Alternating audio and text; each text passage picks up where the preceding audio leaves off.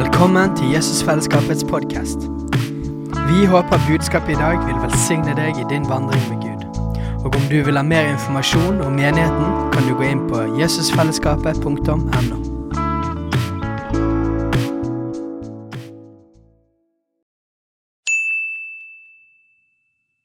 Hei! Visste du at Jesusfellesskapet starter en ny bibelskole til høsten? Den heter Jesusskolen og starter den 3. september. Gå inn på jesusskolen.no for mer informasjon.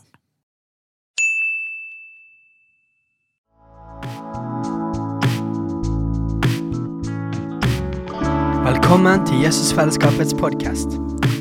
Vi håper budskapet i dag vil velsigne deg i din vandring med Gud. Og om du vil ha mer informasjon om menigheten, kan du gå inn på jesusfellesskapet.no.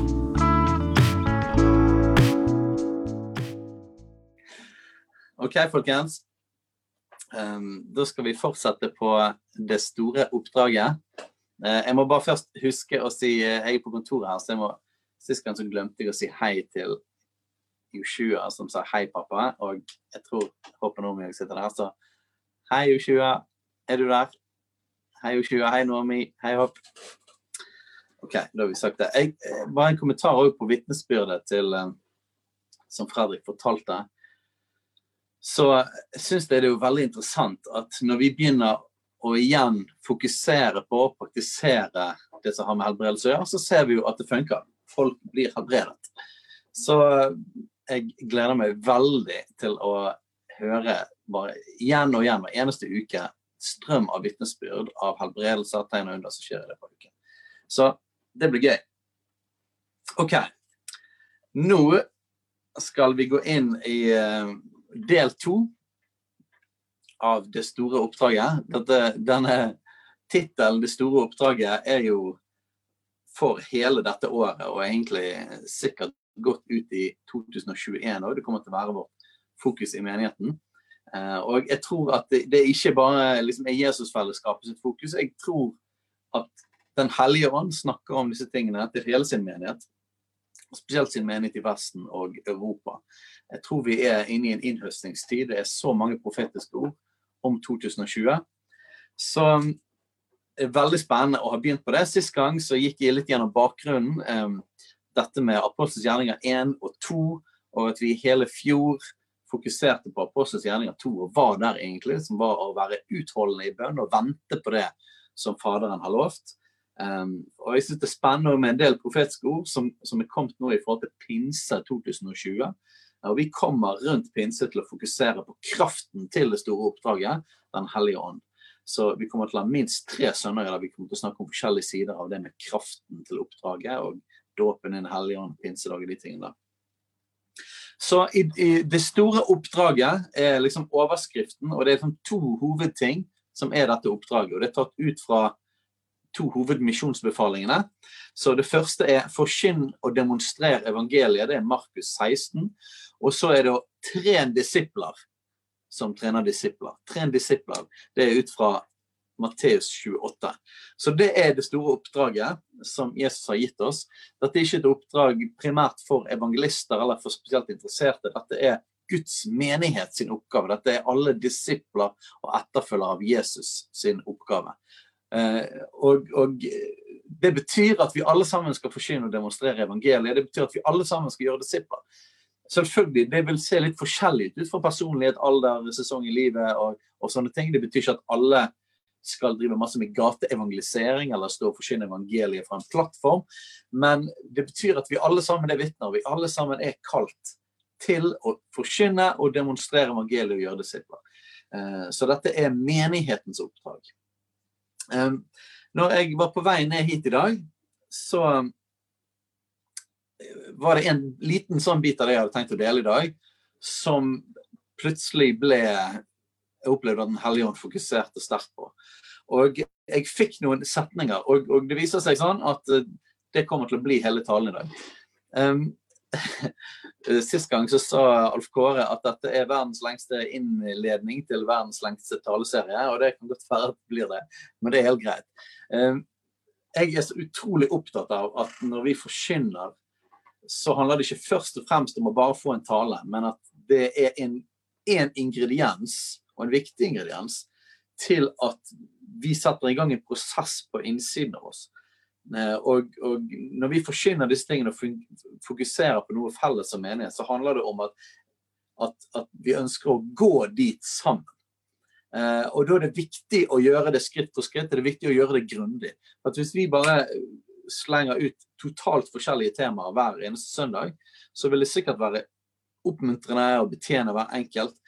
Men jeg tror ikke det vil være en effektiv måte å gå en retning sammen som enhet. Så, så derfor gjør det ingenting at det blir verdens lengste intro til verdens lengste taleserie, så lenge det faktisk fører til at vi sammen kan ta skritt for skritt inn i dette. Eh, for dette er ikke bare en overskrift, det er noe som lengter etter skal bli en del av oss.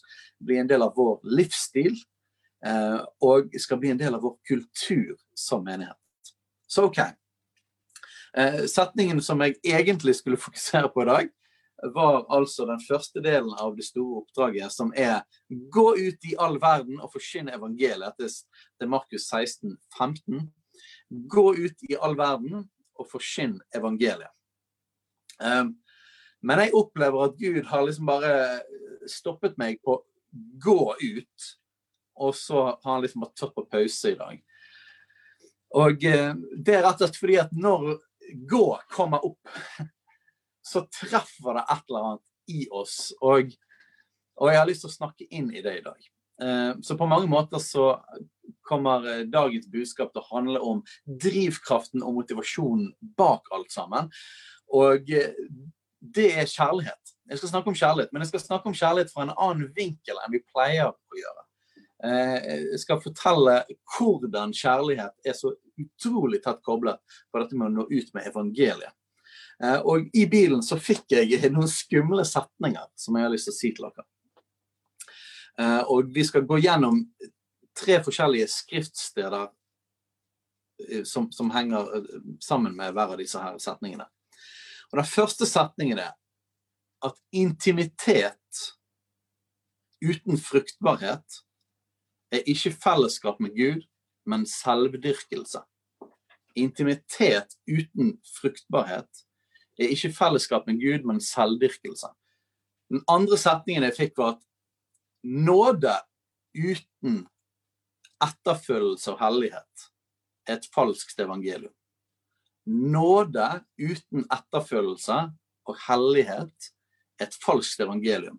Og Den tredje setningen jeg fikk, var at Faderens kjærlighet uten å ville gi sitt liv er ikke kjærlighet, men egoisme. Altså Faderens kjærlighet uten å ville gi sitt liv er ikke kjærlighet, men egoisme. Oh yeah. Så nå er det jo sånn at uh, i denne tiden med å fokusere på det store oppdraget, så tar vi det opp noen, noen hakk i, i, i, utfordring. Men dette er sant, og det er veldig bibelsk, og vi skal se på det. Og faktisk er det sånn at uh, noe av det som noe av det som eh, De skriftstedene som, som, der de mest fantastiske versene om kjærlighet står, eh, der står det òg masse utfordrende ting. og Vi pleier å hoppe over det eller slutte før de kommer. Eh, men kjærligheten i Bibelen er alltid satt i en spesiell kontekst. Så når vi setter opp denne setningen og vi går inn i fokuset på det, på det store oppdraget, evangeliet skal ut, vi skal gjøre disipler, så, og, og, vi tar denne setningen med gå ut i all verden, så kommer det opp en ting. Det treffer en ting i oss. Og det var det jeg opplevde at Den hellige ville at jeg skulle konfrontere i dag. Halleluja. Eh, og det vi møter, det er selve. Det er oss sjøl. Så han sier 'gå ut', og det vi møter, vi møter oss sjøl i døren. Vi møter selve. Og eh, nå er det faktisk sånn at sekularisme, altså det sekulære samfunnet uten Gud. Sekularisme, hedenskap, eh, humanisme og til og med satanisme. Vet du hva fellesnevneren med disse her ismene? Sekularisme, hedenskap, humanisme og satanisme. Fellesnevneren for dem er at jeg er i sentrum. Jeget er i sentrum. Eh, det handler om, at, det handler om mine behov, meg, meg, meg. Og en av de største definisjonskampene vi har i vår kultur i dag, det er definisjonen av ordet kjærlighet. Hva er kjærlighet? Johannes 3, 16. Det sier For så høyt har Gud elsket verden, amen, at han gav. For så høyt har Gud elsket verden at han gav. Der får vi et lite hint om Bibelens definisjon av kjærlighet. Vår kultur definerer hovedsakelig kjærlighet som noe jeg får. Jeg får kjærlighet. Det er noe jeg opplever. Det er sterkt koblet på nytelse. Det er sterkt koblet på å ha frihet til å følge mine lyster. Jeg vet ikke om dere har hørt det i nyhetene og i media. Dette med å få lov til å elske. Sant? At, at eh, skal ikke vi få lov òg til å elske? Eh, og definisjonen da av kjærlighet er ganske annerledes enn det Bibelen beskriver.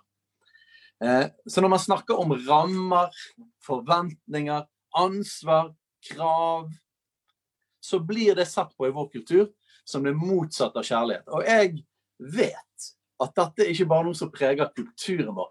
Dette preger oss. Dette preger Guds menighet. Dette preger meg og deg. Og jeg vet at når vi går inn i temaet med det store oppdraget og når ut med evangeliet, så er faktisk dette noe av det det treffer. Det treffer en, en, en, en usunn og falsk forståelse av kjærlighet. Som ikke kommer fra Bibelen, men som kommer fra en sekulær, hedonistisk kultur. Halleluja. Gud, han er kjærlighet. Han sier at han elsker. Første Johannes eh, brev, som vi skal gå en del inn i, eh, snakker om den perfekte kjærligheten. Bibelen snakker om kjærligheten som Guds natur. Det starter i Han, og så treffer det oss. Når, når kjærligheten treffer oss, så gjør det godt, og det, det skal gjøre godt. Og det, det, treffer noen av våre dypeste behov. Um, og når vi tar imot kjærlighet, og, og så lenge vi er mottakere av kjærlighet, enten det er fra Gud eller det er fra mennesker, så, så liker vi kjærligheten veldig godt. Um, men Bibelen beskriver kjærligheten som mer enn å være mottakere av kjærlighet. Um, Bibelen sier faktisk ganske mye om kjærlighet. Så la, la, meg ta et eksempel. Uh, vi skal se på 1. Korinterne 13, der Bibelen beskriver kjærlighet og hva som faktisk er kjærlighet. Eh, men, men eh, la, la, meg sette rammen i mor, far, barn. For jeg tror det at jeg tror hele evangeliet, hele Guds rike, basically kan forklares gjennom familie. Gud er en pappa, han er en far, og vi er hans barn. Og, og det er så mye i familiedynamikk og dette med mor, far, barn som Der vi på en måte forstår instinktivt kjærligheten. Mens ikke det alltid vi skjønner at det fungerer på samme måte i forhold til Gud. OK. Så se for deg foreldre. Riktignok sånne OK, gode foreldre. Um, foreldre elsker barna sine eh, fullkomment. OK? De elsker barna sine bare fordi at de er barna. Ikke for det de har gjort. Eh, kun fordi at de ble født og de er barn og så er de elsket. Og, og foreldre kommer til å elske barna sine hele livet. Uansett hva de gjør, uansett hvor mye galt de gjør, eller hvor mye rett de gjør, så kommer de alltid til å elske dem. Så kjærligheten begynner i den uh, uforbeholdne kjærligheten. Uh, og, og, det er liksom det er, det er, grunnplanet. Det er bærebjelken i det som har kjærlighet å gjøre. Og det er fantastisk, og det er ekstremt nødvendig. Og, og det er summen summen av evangeliet. Uforbeholden kjærlighet. Men Stopper det der? Stopper det der med, med foreldre og barn her på jorden òg? Eh, se for deg at, at, barna som tar imot kjærlighet hele livet og er elsket uforbeholden La oss si at de blir noen egoistiske drittsekker. Og hele livet tenker de kun på seg sjøl. De driter i foreldrene sine, som elsker de uforbeholden hele tiden. De driter i de folkene rundt seg, de behandler søsknene sine dårlig, de behandler folk dårlig. Hvis de tar imot foreldrenes kjærlighet, men det ikke skjer noe mer i barna. Er foreldrene happy, da? Nei, jeg tror at enhver forelder så ville det vært en stor sorg hvis barna bare tok imot kjærlighet, men ikke ble kjærlighet. Jeg tror at eh, alle menneskers eh, lengsel, eller alle foreldres lengsel og Guds lengsel, er at ja, vi skal ta imot hans kjærlighet. Men videre at hans kjærlighet treffer oss, forandrer oss, og så at vi blir kjærlighet. Jeg vil påstå det at eh, kjærlighetens mål er ikke bare at vi skal oppleve den, men kjærlighetens mål er at vi skal bli den. Guds lengsel er at vi skal bli sånn som han. Og Derfor er det sånn at hvis, hvis, hvis vi snakker om Faderens kjærlighet, og det kun handler om meg, og det ikke, ikke får noe frukt utover, da tror ikke vi snakker om Faderens kjærlighet. Jeg tror ikke det er Faderens kjærlighet. Jeg tror det jeg tror det er selvhevdelse. Jeg tror det er egoisme. Hvis vi snakker om eh, nåde, og det, og det, kun er at jeg tar imot nåde, men det er ikke noe at det forandrer meg, da er det et falskt evangelium. Hvis vi Og hvis vi snakker om intimitet med Gud, at vi elsker å være sammen med han og bli fylt av han og få av han, uten fruktbarhet, så er det selvdyrkelse. Det er ikke fellesskap med Gud, intimitet med Gud.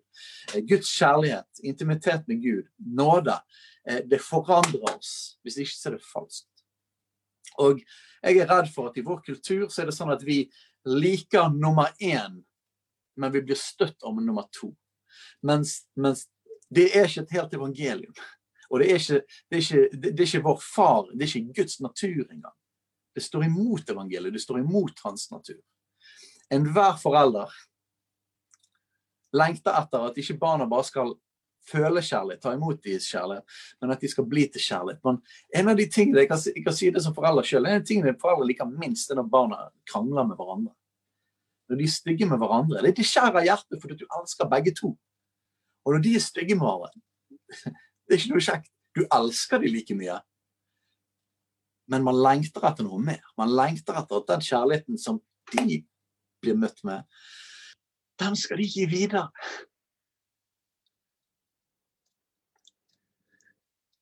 Guds lengsel er at vi skal bli mennesker som både tar imot kjærlighet, men mer enn det. At vi blir mennesker som gir vårt liv på andre. Endemålet med Faderens kjærlighet er ikke bare at vi skal føle den, men at vi skal bli den. Her er Bibelens definisjon av kjærlighet. Og hvis dere ser, hører ordene her i dette skriftstedet, det er fra 1. Korinterne 13. og Det er sånn skriftsted som man elsker å, å lese i bryllup, og det er fint. Um, og, og, det er absolutt meningen at ektepar òg skal vise denne kjærligheten til hverandre. Men den er blitt litt sånn poetisk ting. Uh, og, og, og, det gjør at vi kanskje ikke mister at den kanskje mister kraften. Pluss at ofte når vi snakker om kjærligheten, så er vi så fokusert på at dette er bare noe jeg får. Og mindre fokusert på hva den produserer i meg, eller at jeg gir den. Eh, det er fantastisk å ta imot kjærlighet. Det er mer utfordrende å bli kjærlighet og gi kjærlighet. Så 1. Korinterne 13. Her står det at her er Bibelens definisjon av kjærlighet. Ikke Hollywoods definisjon eller det sekulære samfunnets definisjon. Dette er kjærlighet. Og Gud er kjærlighet. Han, han, det er hans natur. Han burde vite hva kjærlighet er for noe. Kjærligheten er tålmodig. Tålmodig handler ikke om 'jeg får noe', gjør det? Det handler om at jeg gir noe. Jeg gir tålmodighet. Kjærligheten er velvillig gi. Kjærligheten misunner ikke. Man unner andre gode ting. Det å gi, ikke det?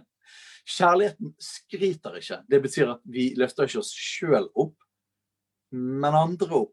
Nok en gang, kjærligheten er å gi. Kjærligheten blåser ikke seg sjøl opp. Kjærligheten handler ikke om meg. Kjærligheten handler om de andre. Den gjør ikke noe usømmelig, står det. Kjærligheten gjør ikke noe usømmelig. Interessant. Fordi at er det noe kjærlighet i vårt samfunn blir forbundet med, så er det usømmelighet definisjonen i vårt samfunn i veldig stor grad at kjærlighet er at jeg skal få, få tilfredsstilt mine seksuelle lister. Det er ikke Bibelens definisjon av kjærlighet. Kjærligheten gjør ikke noe usømmelig, står det. Kjærligheten søker ikke sitt eget. Hm. Kjærligheten er gi, gi, gi. Det er ikke meg, meg, meg. Kjærligheten blir ikke bitter, gjemmer ikke på det onde, gleder seg ikke over urett. Så kjærlighet, når vi snakker om Nei, det, er det, synd er helt fint, for Gud elsker alle, og vi må vise kjærlighet. Um, og Derfor skal alle få lov til å gjøre det de vil. Så er ikke det Bibelens definisjon av kjærlighet, er det? Eh, kjærlighet gleder seg ikke over urett, men gleder seg ved sannhet. Interessant. Så Bibelens kjærlighet gleder seg over sannhet. Hva er sannheten mer enn noe annet? Sannheten er Guds ord. Kjærligheten utholder alt, utholder alt, tror alt, håper alt og tåler alt. Alle disse egenskapene, alle disse definisjonene av kjærlighet, er veldig deilige når, den, når, når vi får den mot oss. Når, når, folk gjør dette mot oss, så føles det fantastisk godt. Og vi skal ta imot kjærlighet. Vi må, vi, for å gi, så må vi få. Men, men kjærligheten, når vi leser Jeg gleder meg til å lese disse skriftstedene. Så vi ser at alltid når Bibelen snakker om kjærlighet, så er ikke det kun mot oss. En del av det er mot oss, og det andre er det vi skal gi. Eh, kjærligheten oppdrar oss, kjærligheten skaper noe i oss. Guds mål er at vi skal bli kjærlighet. Og alle våre favorittskriftleder av de herlige, deilige 'Pappa elsker meg'-skriftstedene. Rundt de så står det masse utfordrende ting om hva det krever av oss. Og kutter vi ut den biten, så er det ikke et sant evangelium. Det er et falskt evangelium. Så OK. La oss gå inn i nummer én.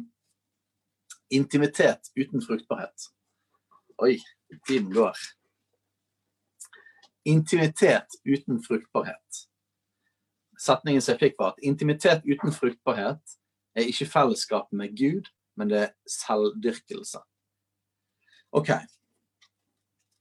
Oh, jeg, må, jeg merker jeg må skynde meg her for å komme gjennom det. Jeg har masse lange skriftsteder.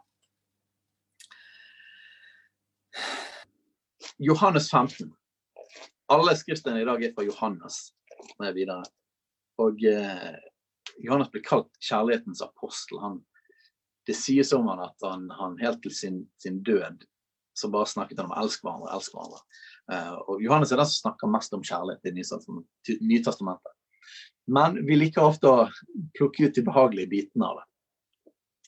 Men den første biten handler altså om intimitet. Det beste intimitetsskriftstedet, det er Johannes 15.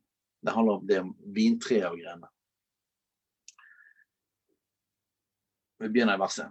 Jeg er det sanne vintre, og min far er vingårdsmannen. Hver gren på meg som ikke bærer frukt, tar han bort. Og den som bærer frukt, renser han for at han skal bære mer frukt. Nå skal jeg bare skal hovedsakelig gå inn i de tøffe tingene her i dag. Det første han sier, som er utfordrende her, det er at hver gren som, på meg som ikke bærer frukt, tar han bort. Um, grenene her, det sier han jo videre, at grenene er oss, vi som tror på han. Så han er treet, og vi er greinene. Vi er en grein på det store treet. Og, og her sier han at Faderen Faderen som elsker oss, han tar bort greiner som ikke bærer frukt. Så det betyr at intimitet med han, uten at det bærer frukt i våre liv, um, er lik at vi er døde. Det er faktisk sånn at da blir vi fjernet vekk ifra Faderen, hvis vi ikke bærer frukt.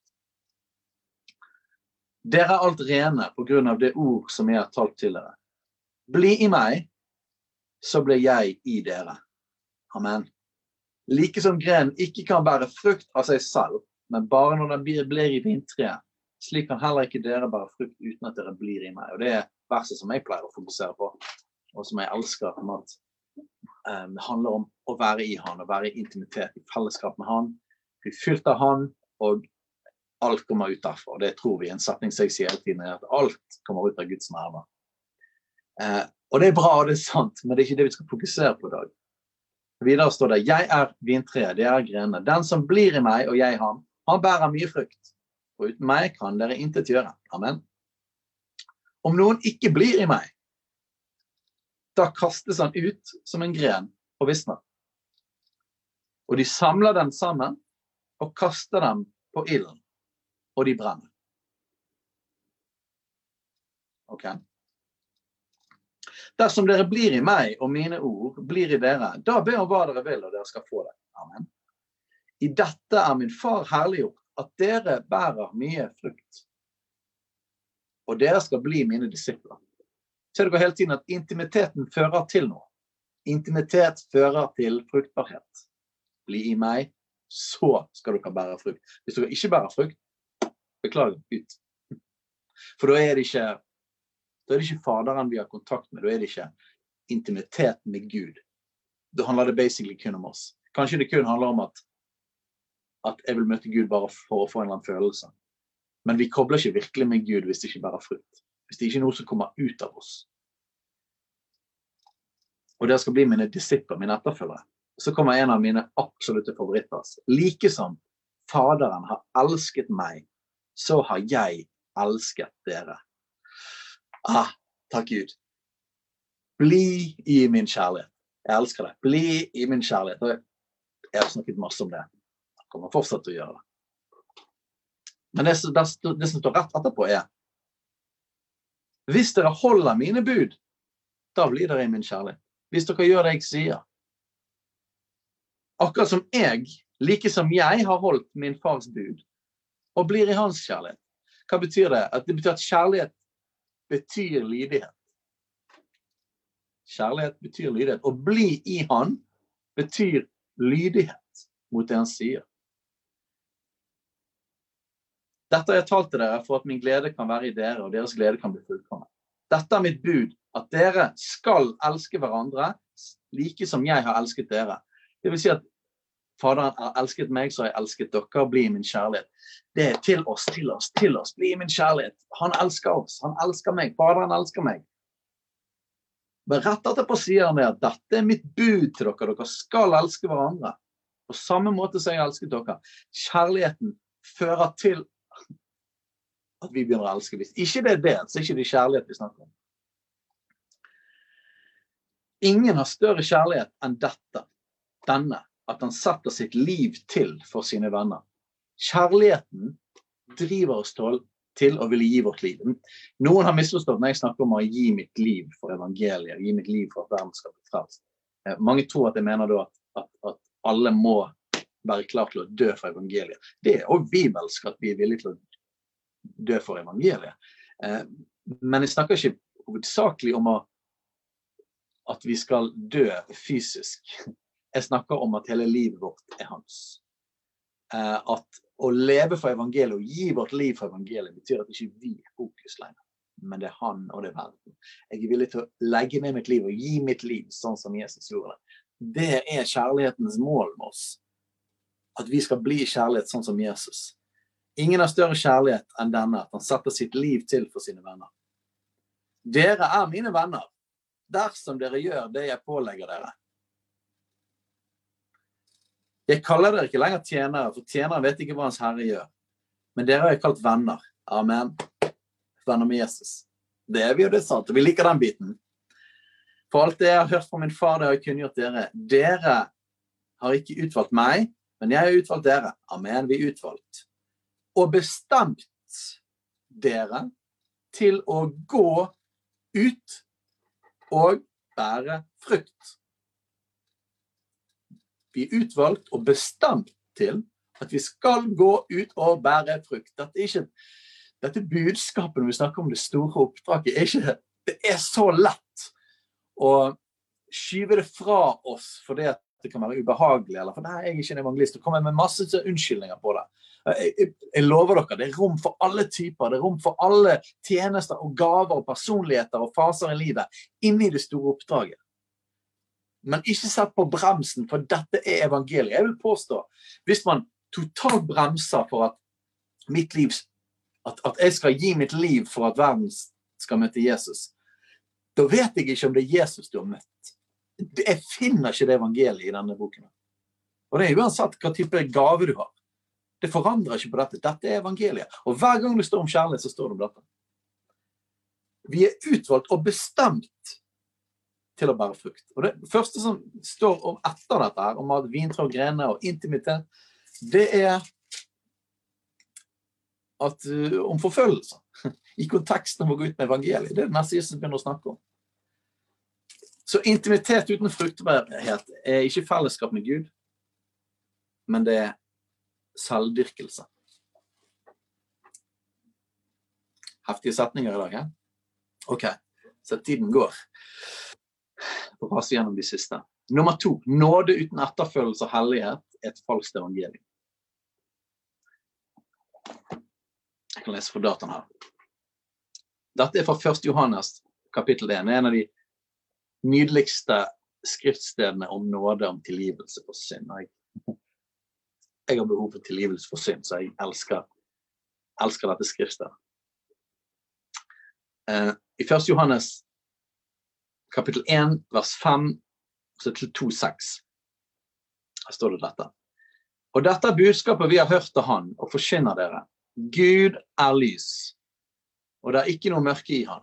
Dersom vi sier at vi har samfunn med Han, fellesskap med Gud, men vandrer i mørket, da lyger vi og gjør ikke sannheten. Så du kan ikke leve i mørket og si at du har fellesskap med Gud. Da lyver du. Men dersom vi vandrer i lyset, like som han har lyset, da har vi samfunn med hverandre. Og Jesu, hans sønns blod, renser oss for all synd. Amen. Dersom vi sier at vi ikke har synd, da bedrar vi oss selv, og sannheten er ikke i oss. Og Dette er snakket til kristne, så det betyr at, at vi, vi, erkjenner det, at vi fortsatt synder. Men dersom vi bekjenner våre synder, så er han trofast og rettferdig. Så han forlater oss syndene, og han renser oss for all urettferdighet. Takk Gud. Der er, der er godbiten, der er nuggeten. Så vi bekjenner våre synder, trofast rettferdig. Han tilgir oss synder, renser oss for all urett. Det er nåde, ikke det? Nåde. Men så ser vi det at nåde uten etterfølgelse og hellighet det er et falskt evangelium. For det stopper aldri der når Bibelen snakker om nåde. Dersom vi ikke sier at vi har syndet, så gjør vi til en løgner hans ord ikke i oss. Mine barn, dette skriver jeg til dere for at dere ikke skal synde. Og hvis noen synder, har vi talsmannen talsmann hos Faderen, Jesus Kristus den rettferdige. Og han er en soning for våre synder, og ikke bare for våre, men hele verdens. Amen. Ved dette lærer vi ved dette har vi lært han å kjenne om vi holder fast på hans bud. Det første han snakker om etterpå i forhold til nåde og tilgivelse, er på dette måten vi, vi, vi, vi lærer Vi kan se om noen kjenner Gud, om vi holder hans bud. Og den som sier 'jeg kjenner han', og ikke holder fast på hans bud, dette er veldig vanlig i vår kultur. Og i kirkevirkelighet. Den som sier 'jeg kjenner han' og ikke holder fast på hans bud, han er en løgner. Og sannheten er ikke i han. Husk at dette er snille Johannes. Kjærlighetens apostel sier det. Han er en løgner. Sannheten i han. Men den som holder fast på hans ord, i han er sannelig Guds kjærlighet blitt fullkommen. Hør da. Den som holder fast på hans ord, i Han er Guds kjærlighet blitt fullkommen. Ser dere? Guds kjærlighet er noe som treffer oss, som vi tar imot, som vi erfarer, som er fantastisk for oss. Men så forandrer det oss. Og frukten er at det kommer noe ut av oss. Resultatet er at det kommer noe ut av oss. Hvis ikke så er det ikke kjærlighet vi snakker om. Av dette vet vi at vi er i ham. Den som sier at han blir i ham, er også skyldig til å vandre slik som han vandret. Hvis vi sier at vi er i han, så er vi skyldig å vandre og leve sånn som han levde. Og veldig ofte når vi nordmenn snakker om eh, å holde hans bud og sånne ting, det, det vi som oftest tenker på, er da at vi ikke skal synde, eller på en måte eh, seksuell synd, eller alle de tingene. Og det er definitivt en del av det. Men husk det at Jesus sine bud til oss var ikke bare ting som går på etikk og moral. Eh, Jesus sine bud til oss var bl.a.: Gå ut i hele verden og forkynne evangeliet. Gjør alle folkeslag til disipler. Så den som sier at han blir i, han er òg skyldig til å vandre slik som han forandret. Og leve sånn som han. OK. La meg hoppe inn i den siste. Så nåde uten etterfølgelse og hellighet, det er et falskt evangelium. Den siste setningen. Faderens kjærlighet uten å ville gi sitt liv er ikke kjærlighet, men egoisme. Å snakke om Faderens kjærlighet, Faderen som elsker oss fullkomment og uten forbehold, å snakke om det og ta imot det uten at det fører til at vi vil gi vårt liv, da er det ikke kjærlighet, men det er egoisme. For det, noe av den sterkeste definisjonen av hva kjærlighet er for noe i Bibelen, er å gi sitt liv. Kjærlighet er å gi. 1. Johannes 3,1, der står det Se hvor stor kjærlighet Faderen har vist oss. At vi skal kalles Guds barn. Å, jeg elsker den setningen. Se hvor stor kjærlighet Faderen har vist oss, at vi skal kalles Guds barn. Dette er en av de versene som jeg bekjenner veldig veldig ofte om morgenen for meg sjøl. At jeg er Guds barn. Faderen har stor kjærlighet for meg. Og Så står det videre, fra vers 15 til 19, at hver den som hater sin bror, er en morder. Og dere vet at ingen morder har evig liv værende i seg.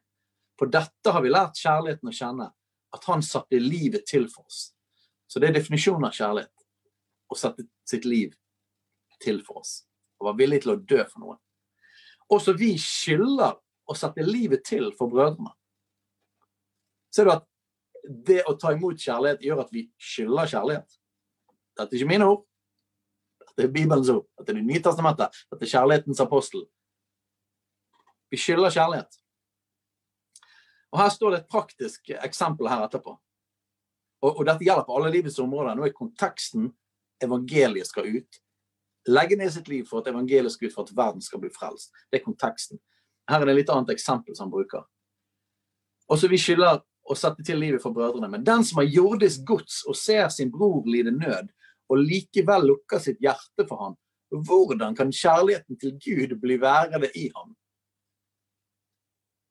Hvis du ser et behov og lukker hjertet ditt, hvordan kan Guds kjærlighet bli værende i deg? Mine barn, la oss ikke elske med ord eller tunge, men i gjerning og sannhet. Det er det. Kjærligheten fører til handling, det fører til praktisk, det fører til å ofre noe for andre. 1. Johannes 4,7. Vi nærmer oss slutten. så henger han. Mine kjære, la oss elske hverandre, for kjærligheten er av Gud. Og hver den som elsker, er født av Gud og kjenner Gud. Den som ikke elsker, kjenner ikke Gud. For Gud er kjærlighet. Det vil si at den som Ikke bare den som ikke tar imot Guds kjærlighet, den som ikke Guds kjærlighet går ut fra. Den som ikke sjøl elsker andre. Den som ikke sjøl gir sitt liv. Den kjenner ikke Gud, for Gud er kjærlighet. Ved dette ble Guds kjærlighet åpenbart iblant oss, at Gud har sendt sin enbårne sønn til verden for at vi skal leve med ham. I dette er kjærligheten. Ikke at vi har elsket Gud, men at han har elsket oss og sendt sin sønn til soning for våre synder. Etter, enda et av mine favorittvers. Halleluja, han har sendt sin sønn til soning for våre synder. Mine kjære, har Gud elsket oss slik? Hvordan var det han elsket? Han gav sitt liv til soning for våre synder. Det var, det var sånn kjærligheten ut. Han ga sitt liv. Mine kjerner, har Gud, har Gud elsket oss slik? Da skylder også vi å elske hverandre. Vi skylder. Ingen har noensinne sett Gud, men dersom vi elsker hverandre, da blir Gud i oss, og kjærligheten til ham er blitt fullkommen i oss. Vers 13. Av dette kjenner vi at vi blir i ham, og ja, han har gitt oss opp Nei, vers 16. Vi hopper over de. Eh, vers 16. Og vi har kjent og trodd den kjærligheten som Gud har til oss. Gud er kjærlighet. Den som blir i kjærligheten, blir i Gud og Gud i ham. I dette er kjærligheten blitt fullkommen hos oss, at vi har frimodighet på dommens dag. For slik som Han er, er slik er vi også i denne verden. Frykt er ikke i kjærligheten. Amen. Men den fullkomne kjærligheten driver frykten ut. Å, amen, jeg har lyst til å preke det verset òg, men det skal du ikke. Frykten har med straff å gjøre, og den som frykter, er ikke blitt fullkommen i kjærlighet. Men vi skal snakke om dette verset. Vi elsker fordi han elsket oss først. Vi elsker fordi han elsket oss først. Igjen. Vi elsker, derfor skjer det noe ut av oss. Alltid når det står om kjærlighet i Bibelen, står det om det. Dersom noen sier 'jeg elsker Gud' og likevel hater sin bror, så er han en løgner. For den som ikke elsker sin bror som han har sett, hvordan kan han elske Gud som han ikke har sett? Og dette budet har vi fra, han, fra den som elsker Gud, den skal også elske sin bror. Og dette budet har vi fra han, at den som elsker Gud, skal også elske sin bror. Siste verset. 1. Johannes 5, 1-3 rett etterpå. Hver den som tror at Jesus er Kristus, er født av Gud. Og hver den som elsker Faderen, elsker også den som er født av ham. På dette kjenner vi at vi elsker Guds barn, når vi elsker Gud og holder Hans bud. For dette er kjærligheten til Gud, at vi holder fast på Hans bud, og Hans bud er ikke tunge. OK, folkens. Så hva er, hva er konklusjonen på dette? her? Og hvorfor handler dette om det store oppdraget? Hvorfor handler dette om misjon og evangelisering? Forkynne evangeliet, demonstrere evangeliet, gjøre disipler? Jo, fordi dette er drivkraften. Dette var drivkraften som gjorde at Gud ga sin egen sønn. Dette er drivkraften som gjorde at Jesus sjøl var villig til å dø.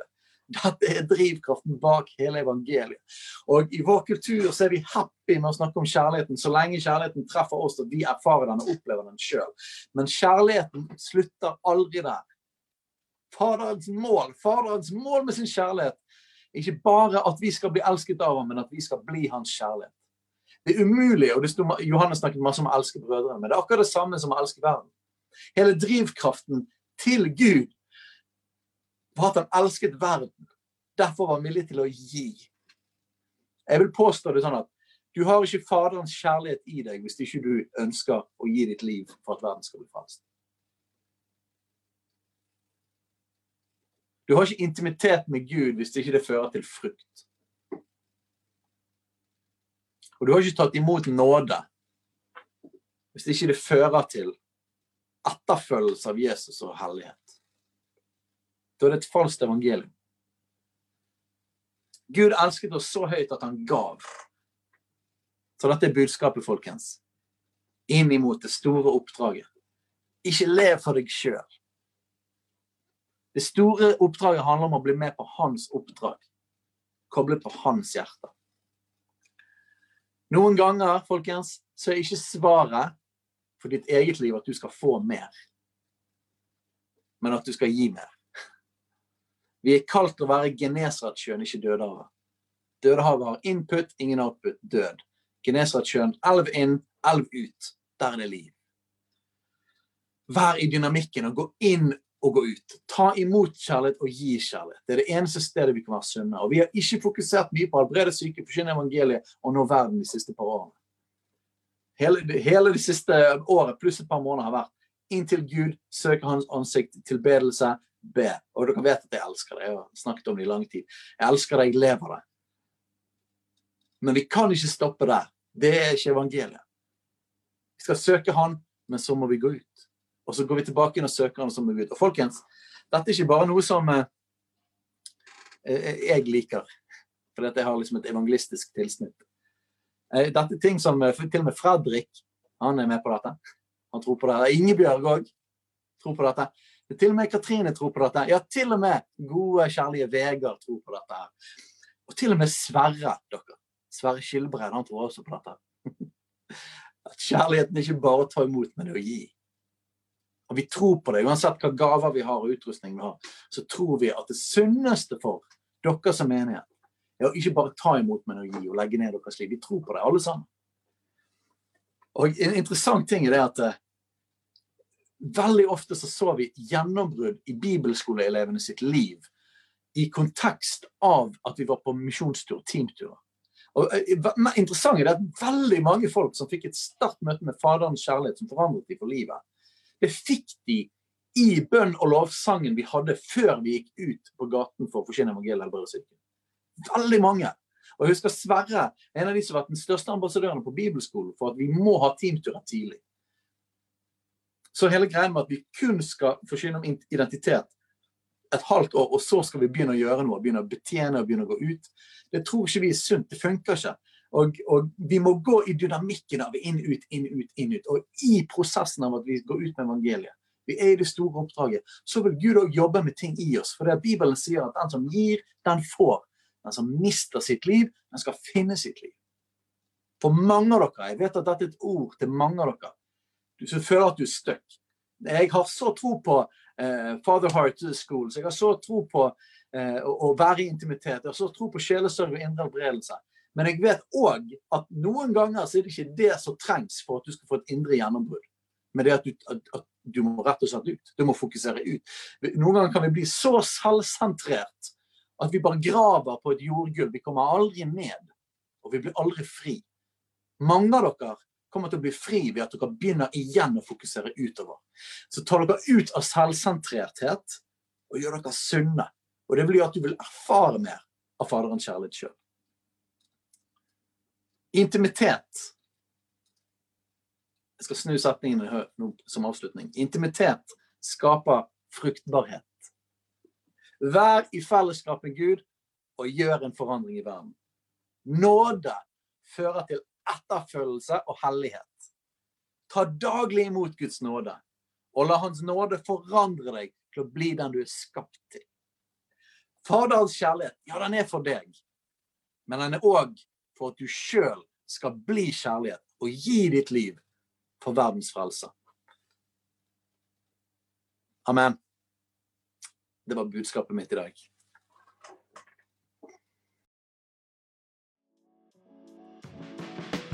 Hei, alle sammen. Det er Katrine og Steinar Lofnes her. Vi er hovedledere for Jesusfellesskapet. Så kjekt du har lyttet til denne podkasten. Har du forresten hørt noen av de andre podkastene våre? Ukens tale, Disippelskolen, Hyrdepodden, Kulturkrigen og Mammas hjerte. Du finner disse podkastene på Spotify, Apple Podkaster og på nettsiden vår jesusfellesskapet.no.